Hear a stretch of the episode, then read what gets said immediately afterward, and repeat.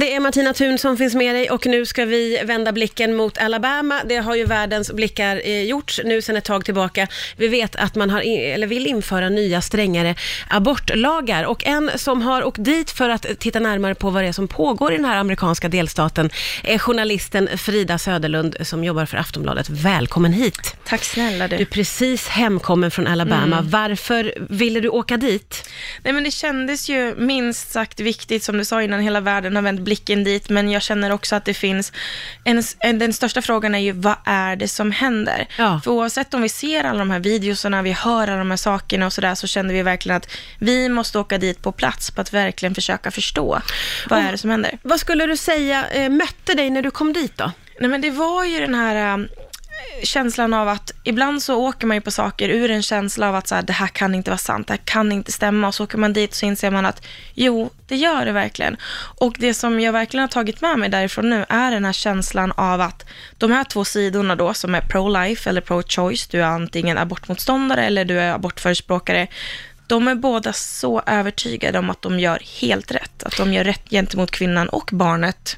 Ja. Och är båda sidorna starka? Jag har ju en slags, kanske naiv syn på det här. Jag tänker att det är gamla vita gubbar som, som, är liksom, som vill införa de här lagarna och när de dör bort så är problemet borta. Ja, det är ju absolut till viss del.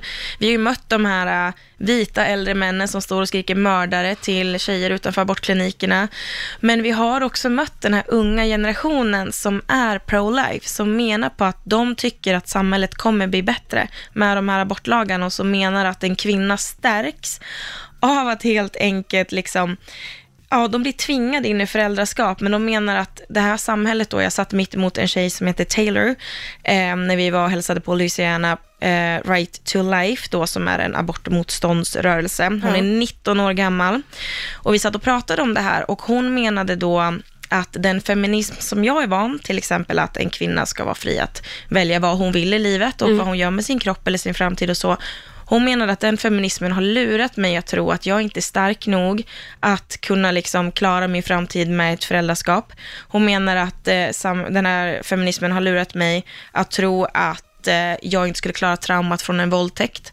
Så att hon, är på, hon menar på att det här föräldraskapet och moderskapet är någonting som är empowering och stärkande och det är ingenting som liksom eh, på något vis borde vara eh, frivilligt att välja bort. Eh, Och Taylor, 19 år, eh, såg sig också som feminist ja, ja, hon vad jag förstår. sig fullt vara feminist. Ja. Eh, och, och du nämnde ju det att du har besökt abortkliniker. Berätta om hur, hur det var eh, att eh, besöka en abortklinik i Alabama. Nej, men vi var ju bland annat på den i Montgomery som det har kommit väldigt mycket videos ifrån på eh, män oftast som skriker utanför och kvinnor som skyddas. Så vi åkte till den som är en av de tre kvarvarande i hela Alabama och det bor ju flera miljoner människor i den delstaten.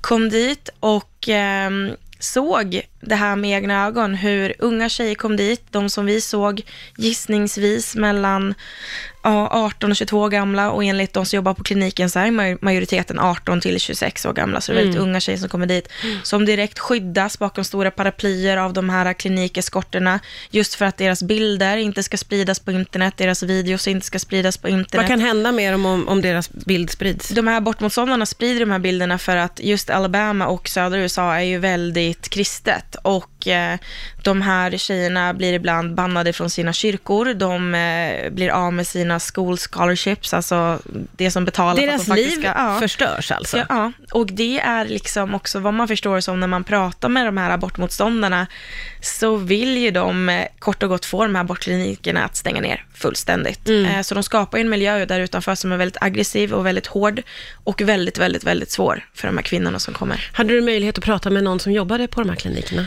Ja, det hade jag. Och eh, de säger ju det att de bara, det här är business as usual. Och det var också lite läskigt att inse att det här har pågått för dem så fruktansvärt länge.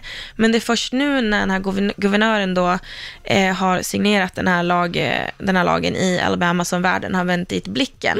Men, när Mm. Men de har haft det så här? Ja, ja, det här synsättet på abort har ju alltid varit så här att det ska vara otänkbart och förbjudet och det är en skam och, och sådär. Grundar det här sig i religion, eller vad skulle du säga? Mycket, mycket grundar sig i religion för att det är ett extremt kristet, man kallar det för bi- bibelbältet, Ja. Där borta.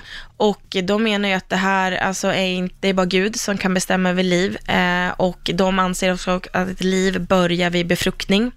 Eh, så att de ser ju helt enkelt det här som mord på barn. Mm. Eh, vilket för oss i Sverige förmodligen låter helt upp på väggarna.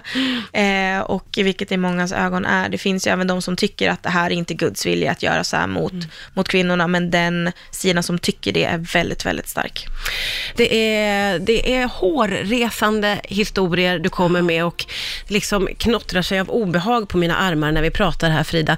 Det fanns ett litet, litet ljus i mörkret och det var den här kvinnan som Hon stod heter utanför. Janet och är 77 år gammal. Hon stod alltså utanför den här abortkliniken i Montgomery, en av de endast tre kvarvarande som finns, varje dag. Varje morgon kom hon dit med sina skyltar i solidaritet för de här kvinnorna och menade det är deras kroppar, det är deras rättigheter, det är deras val. Och hon var så jävla förbannad över att vi hade gått tillbaka i tiden på det här sättet.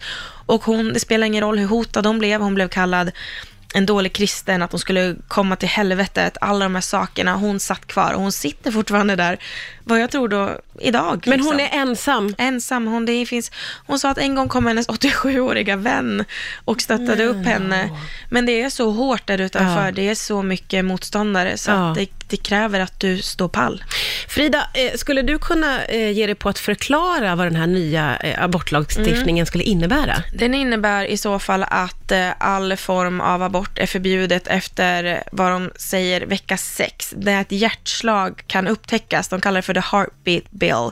Och det innebär också att du har inget som helst undantag för vare sig våldtäkt eller incest.